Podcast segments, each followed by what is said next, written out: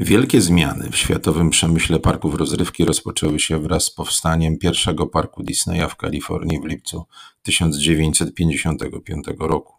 Historia fenomenalnej kariery Walta Disneya rozpoczęła się w 1923 roku, kiedy powstało Disney Brothers Studio.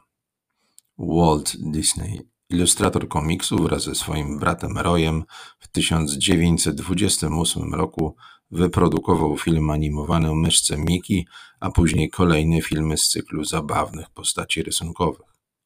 W związku z ogromną liczbą listów od dzieci, które chciały zobaczyć na żywo swoje ulubione postacie, postanowił stworzyć park, w którym będzie się można dobrze bawić z bohaterami filmów.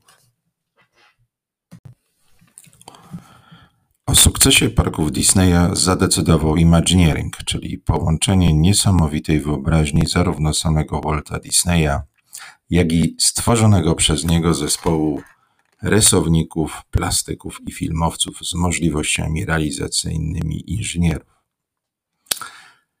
Tak z połączenia słów image i engineering powstało unikalne słowo, które w branży automatycznie kojarzy się z parkami Disneya.